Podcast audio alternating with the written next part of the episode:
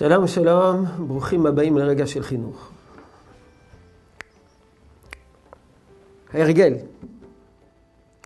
האם ההרגל משפיע אך ורק במעשים?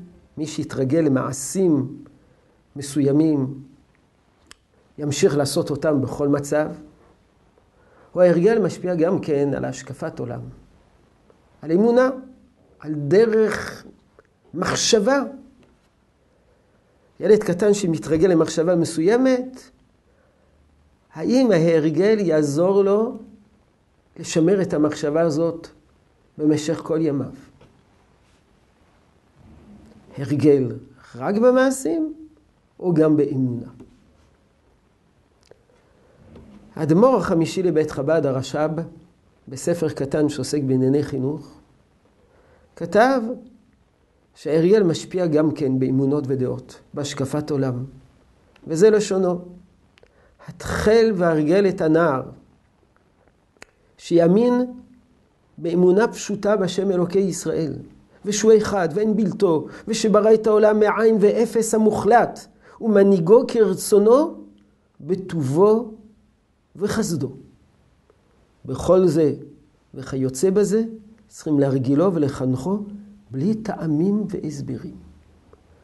למה בלי טעמים והסברים? אומר הרש"ב בין השאר, כדי שכאשר יתעוררו אצלו שאלות, בגיל מבוגר יותר, האמונה הבסיסית שהורגל אליה בלי טעמים והסברים, יאפשרו לו לעבור את המשבר, לדלג מעל המשבר. יש שאלות, אבל כבר יש קושיות באמונה, אבל אתה התרגלת להאמין בלי טעמים והסברים.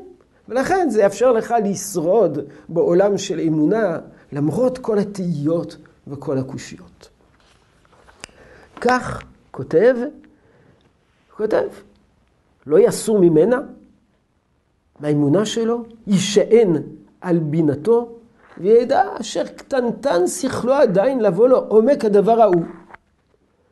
ולא ייגרע אצלו, חס ושלום, חוזק אמונתו בשם אחד ומיוחד, אשר כבר הורגל בזה ונשרש בלבבו היטב.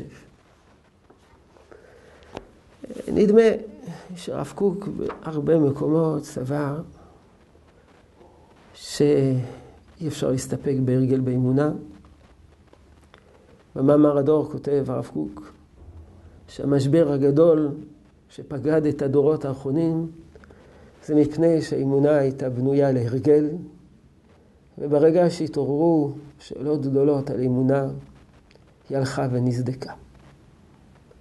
לכן ודאי שנרגיל את ילדינו לאמונה, נחנך אותם לאמונה, אבל לא פשוט כלל, שאפשר לבנות על ההרגל האימוני כשם שאפשר לבנות על ההרגל המעשי.